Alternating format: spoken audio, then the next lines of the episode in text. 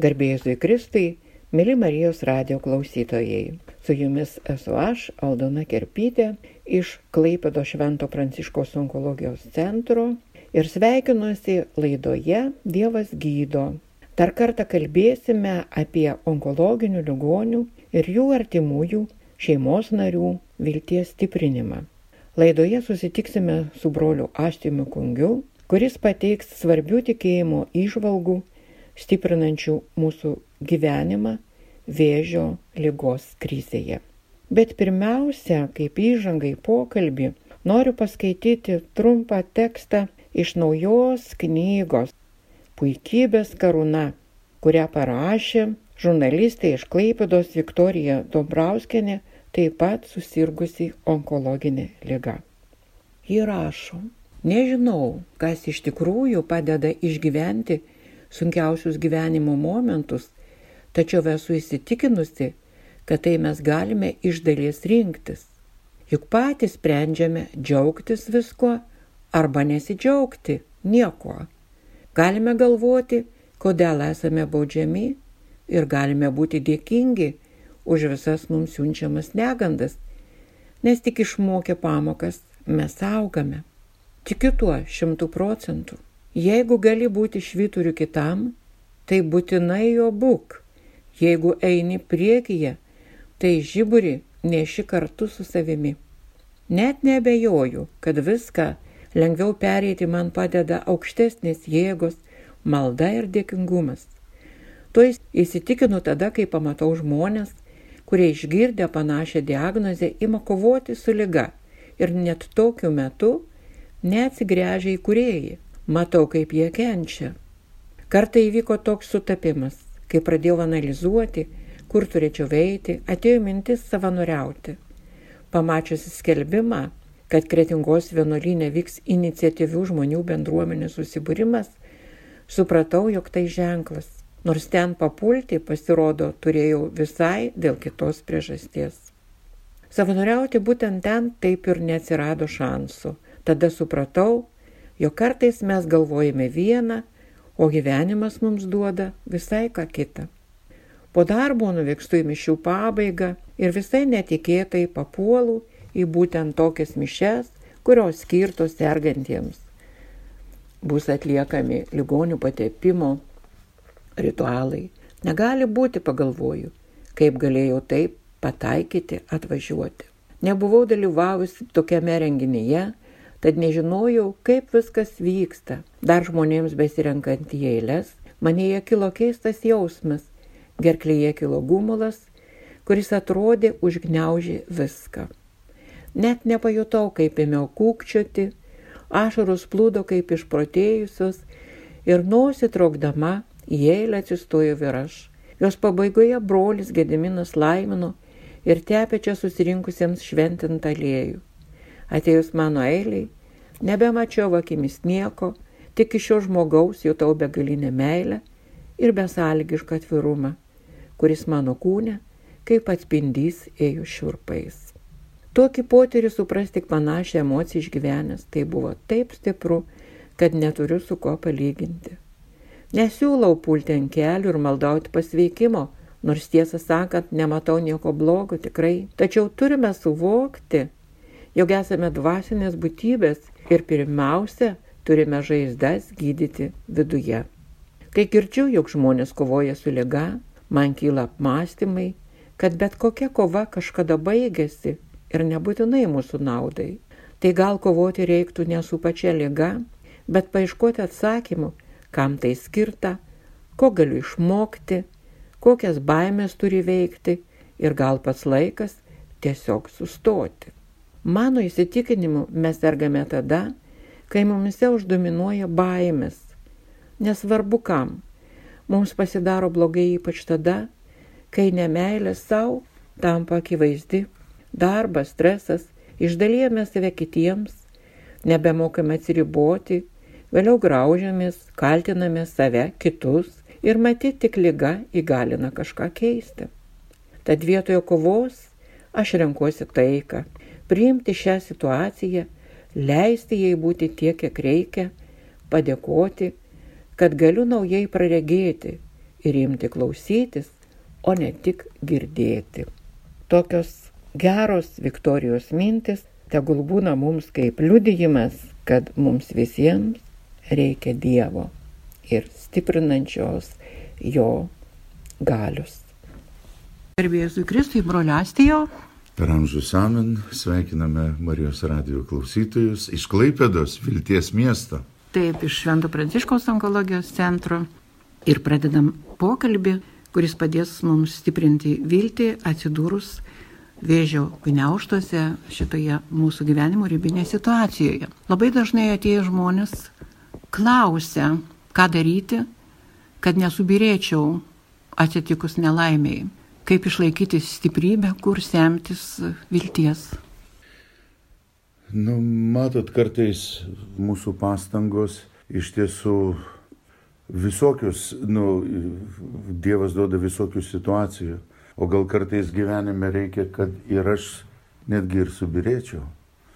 Kodėl kartais norime išsaugoti, bet aš kartais kaip save, savo gyvenimą, savo aplinką, galbūt išsaugoti tuos kai šiandien mėgsta sakyti socialinius ryšius arba draugystės, o gal tikrai yra toks mūsų likimas arba, nežinau, toks Dievo planas gyvenime subirėti.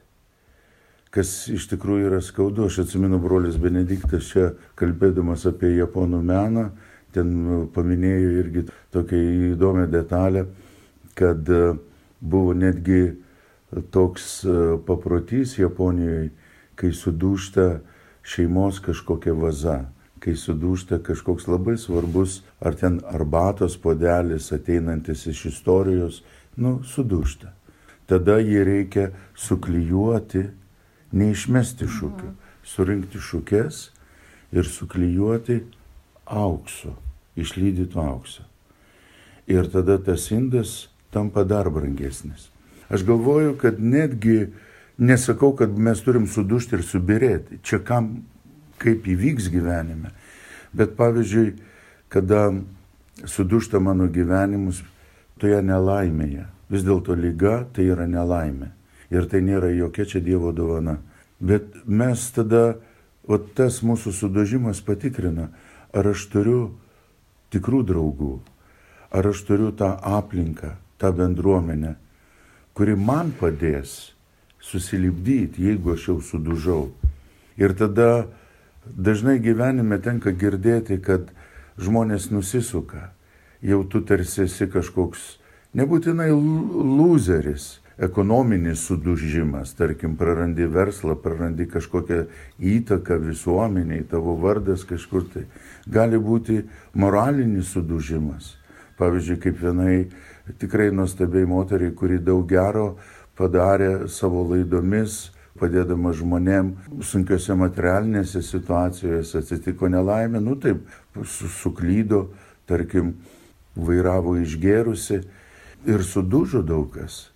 Tai va čia toks tarsi toks moralinis sudužimas, kur atneša žmogui irgi didelį skausmą ir vėl patikrina, ar yra tikrųjų draugų.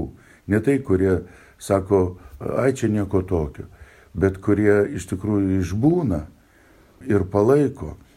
Palaiko tame nuosmokėje, palaiko toje nelaimėje. O ką kalbėti apie lygą? Tai kai tu turi išeiti iš darbo, kai jau tada tu esi nebereikalingas, tavęs nebekviečia, ai, ką čia trukdysi.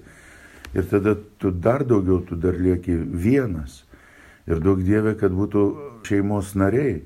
Tai va tie draugai. Ir aš galvoju, kad kas įvyksta mano gyvenime, nebijokim nu, tai pripažinti ir svarbiausia, nepraraskim iš tikrųjų vilties. Bet kaip yra įdomu, kad tą tikrąją, tikrąją viltį kažkaip tai duoda mums tas vidus širdis. Iš tikrųjų, pirmiausia, va tas atsiveria daugelį kam, atsiveria tas atsigrėžimas į Dievą kai atrodo, tu negali pasitikėti galbūt žmogumi, negali pasitikėti kažkokią aplinką, kurioje tu gyvenai ir tada tu atrandi tą pagrindinį momentą, kur, pavyzdžiui, Jėzus Evangelijoje yra sakęs, netgi tėvas ir motina tave apleis, aš tavęs neapleisiu. Tai vad vėl tas toks vilties žodis. Ir aš tavęs neapleisiu.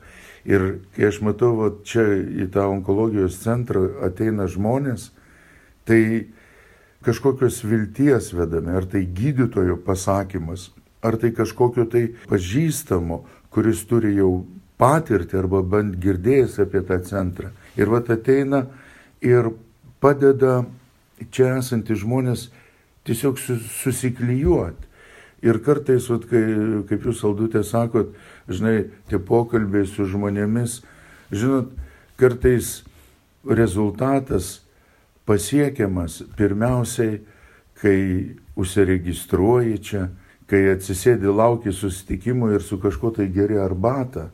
Ir žmogus galbūt to nepajaučia, jis galvoja, ateis pas kažkokį dvasios asą ir jis dabar man čia viską padės. O iš tikrųjų viešpats jau veikia nuo arbatos podelio, nuo paprasto pokalbio, kas tau atsitiko, galbūt ir man tai buvo ir tada, nu jau laikas eiti tam jau tam sustiprinančiajam pokalbį, tai būtų kunigas, tai būtų koks socialinis darbuotojas, tai kažkoks palydėtojas. Tai vat, aš galvoju, tai yra va čia bendruomenės pradžia.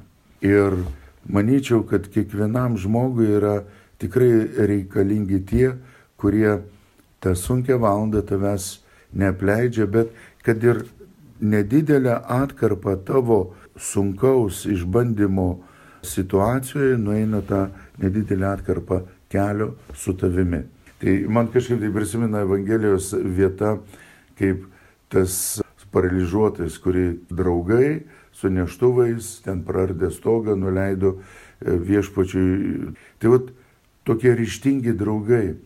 Gal tau nedrasu ateiti į tą onko centrą, gal tau nedrasu kreiptis, tu tarsi esi jau suparalyžiuotas, prislėgtas. Ir vad kaip yra svarbu tie draugai, kurie paima tave ir atneša šio Evangelijos atveju prie Jėzaus. Net ir prardo tą, tą stogą ir nuleidžia prie Jėzų. Ir kaip ir įdomu, Jėzus sako, matydamas jų tikėjimą, jis kreipiasi į tą suparalyžiuotąjį matydamas draugų ryštą, draugų tikėjimą. Todėl net ir mūsų gyvenime, o tos nedidelės bendruomenės, draugai ir, tarkim, kaip ir bažnyčia, kaip bendruomenė, aš manyčiau, yra būtina. Būtina tam sveikimui, tam susilipdymui, iš tikrųjų, ir tai yra, neveltui mes ir sakome, tai yra vilties piligrimai. Mes keliaujame vilties piligrimai. Ir mes gal patys čia yra sergantys žmonės, dar iki galo nepasveikę, dar iki galo neatsistoja, bet jie jau yra vilties piligrimai. Jie keliauja, nes jie turi viltį ir ateinantis kiti žmonės, matydami jų tą judėjimą, jie irgi eina kartu. Aš prisiminiau, kad sako toks, kodėl žemė sukasi. Ar esat girdėję tokį pasakymą, kodėl Žemė sukasi? Sako, todėl, kad 5 procentai žmonijos žino kryptį, turi sieki, žino, kur eina. Tada kokie 70 procentų žmonių, jie pasitikė jais ir seka, ir visi eina tą kryptimį. Ir žemė todėl sukasi. O 25 procentų žmonių guli savo po palmę ir sako, matai, kaip faina, žemė sukasi. Ir vat iš tikrųjų kartais mes nežinome, kodėl vyksta tas procesas. Todėl, kad yra keletas žmonių, kurie pažįsta kelią ir juda tam tikrą kryptimį. Ir vat, todėl ir bendruomeniai skirtingos rolės yra, bet jos yra reikalingos. Nes su vienu nepasišnekėsi. Žinai, arba nuostabus žmogus, bet šiandien jam nuotaika bloga, o visai nelauktai iš kito bendruomenės nario gali gauti visai netikėtą palaikymą ir kažkokį žiburėlį uždegtą.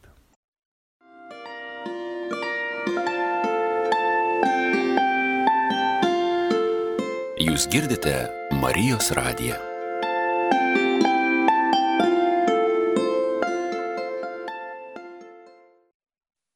Brulės jau dar žmonės atėjo klausinėję, kaip suprasti, kad turiu gyvą ryšį su Dievu. Ir, na, kiti sako, aš turiu gyvą ryšį su Dievu, o ką man reikalinga bažnyčia? O bažnyčioje esantys žmonės klausia, kaip surasti tą gyvą ryšį su Dievu, aš esu melžiuosi, bet nesuprantu, ar mane Dievas girdi. Jo, nu matot, čia yra kiekvienam, aš manyčiau, kiekvienas pats turi atsakyti, ar aš turiu tą ryšį su Dievu ar ne. Nu kitas už tave negali pasakyti ir netgi negali pasakyti, koks tas ryšys yra. Ir kitas klausimas, o koks tas tavo Dievas, su kuriuo tu turi ryšį. Čia vėl visai kitoks spektras, filosofija. Koks tavo Dievas, čia tokia Echartas atrodo yra pasakęs ir kad Aš Dieve, aš meldžiu, kad tavęs nebūtų mano gyvenime. Kažkaip aš dabar negaliu teisingai suformuluoti, bet mintis yra tokia. Aš meldžiuosi, kad tas Dievas, kuris kažkada buvo man suformuotas, arba aš užaugau, kad iš tikrųjų, kad tas Dievas manęs nepavergtų, kuris kitiems yra brangus bet aš pats turiu išgyventi.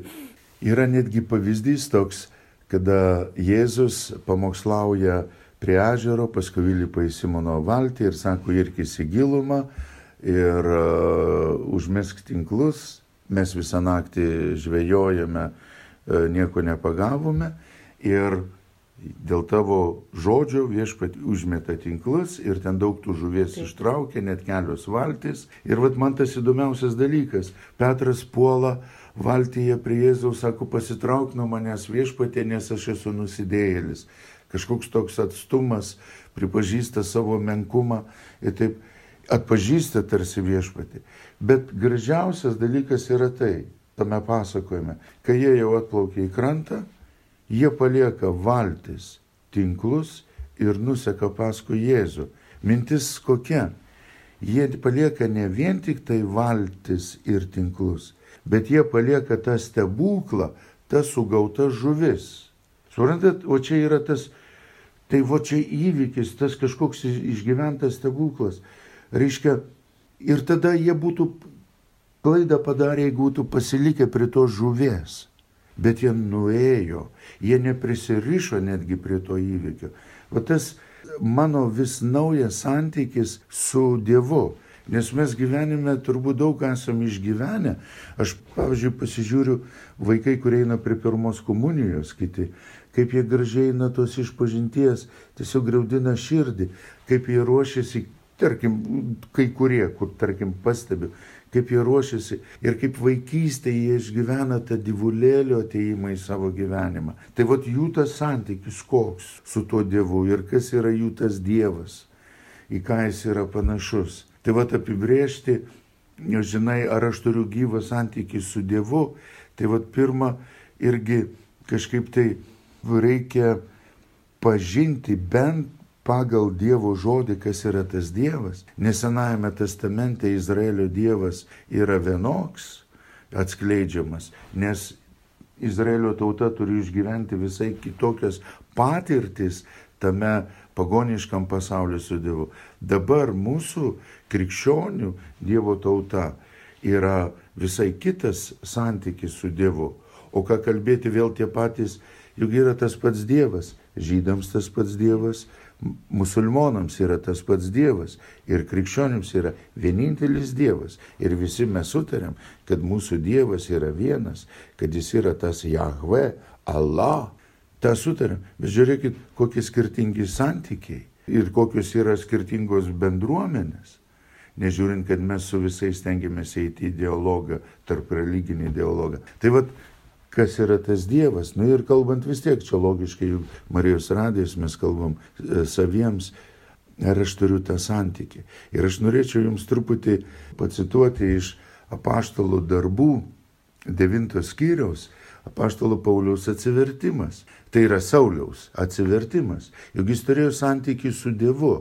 Izraelio Dievu, dėl kurio jis pasiruošęs atiduoti savo gyvybę ir visą savo, savo gyvenimą, visą, visus savo talentus paskirti su klaidatikiais, kurie tiki ne tą Dievą. Ne?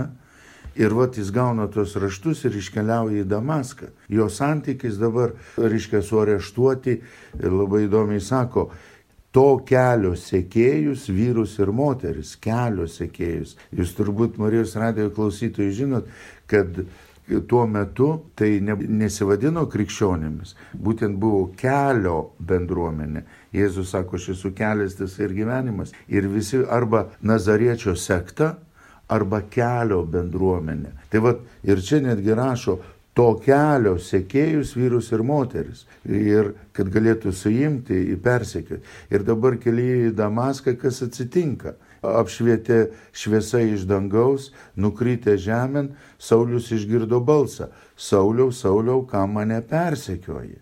Jis klausė, kas tu esi viešpati. Šis atsakė, aš esu Jėzus, kurį tu persekioji. Kelkis iki miestą. Jo kelionės draugai stovėjo be žado. Mat girdėjau balsą, tačiau nieko nematė. Saulis atsikėlė nuo žemės, bet atmerkęs akis nieko nebematė. Tai vad ką noriu pasakyti. Santykis su Dievu, Izraelio Dievas ir dabar čia sako, Sauliau, Sauliau, kam mane persekioji. Labai įdomi detalė yra tai, kad Saulis jokio Jėzaus nepersekiojo. Jis persekiojo, buvo iniciatorius diakono Stepono užmėtymo akmenėmis nužudimo. Iniciatorius buvo, jis persekiojo kelio vyrus ir moteris, kelio bendruomenės, jokio Jėzaus. Ir va čia gaunasi, kad bendruomenė yra, iš tikrųjų, tai ir yra tas Jėzus. Jis pradeda suprasti ir kaip yra įdomu. Sako, reiškia, jis klausia, kas tu esi viešpatie, pabrėžia iš didžiosios raidės viešpatie, sako, aš esu Jėzus. Ir matot, kaip yra įdomu. Ir čia yra toks labai labai aiškus dalykas.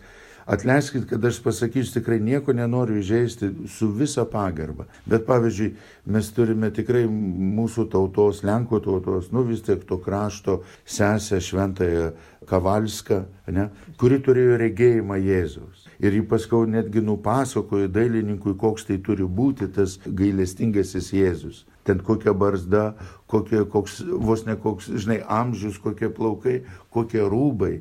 Ir moteris įmato Jėzų. O čia tas Saulis nesako, kad jis matė Jėzų, bet jis mato savo būtimi, savo širdimi. Jis aiškiai supranta, kad tai yra viešpats. Bet Lukas, apaštalų darbo autorius, nesako, o jis pamatė Jėzų. Nieko jis nepamatė. Bet jis savo dvasia suprato, kad jis yra. Ir va tas dialogas tarp jo, ką mane persekioji.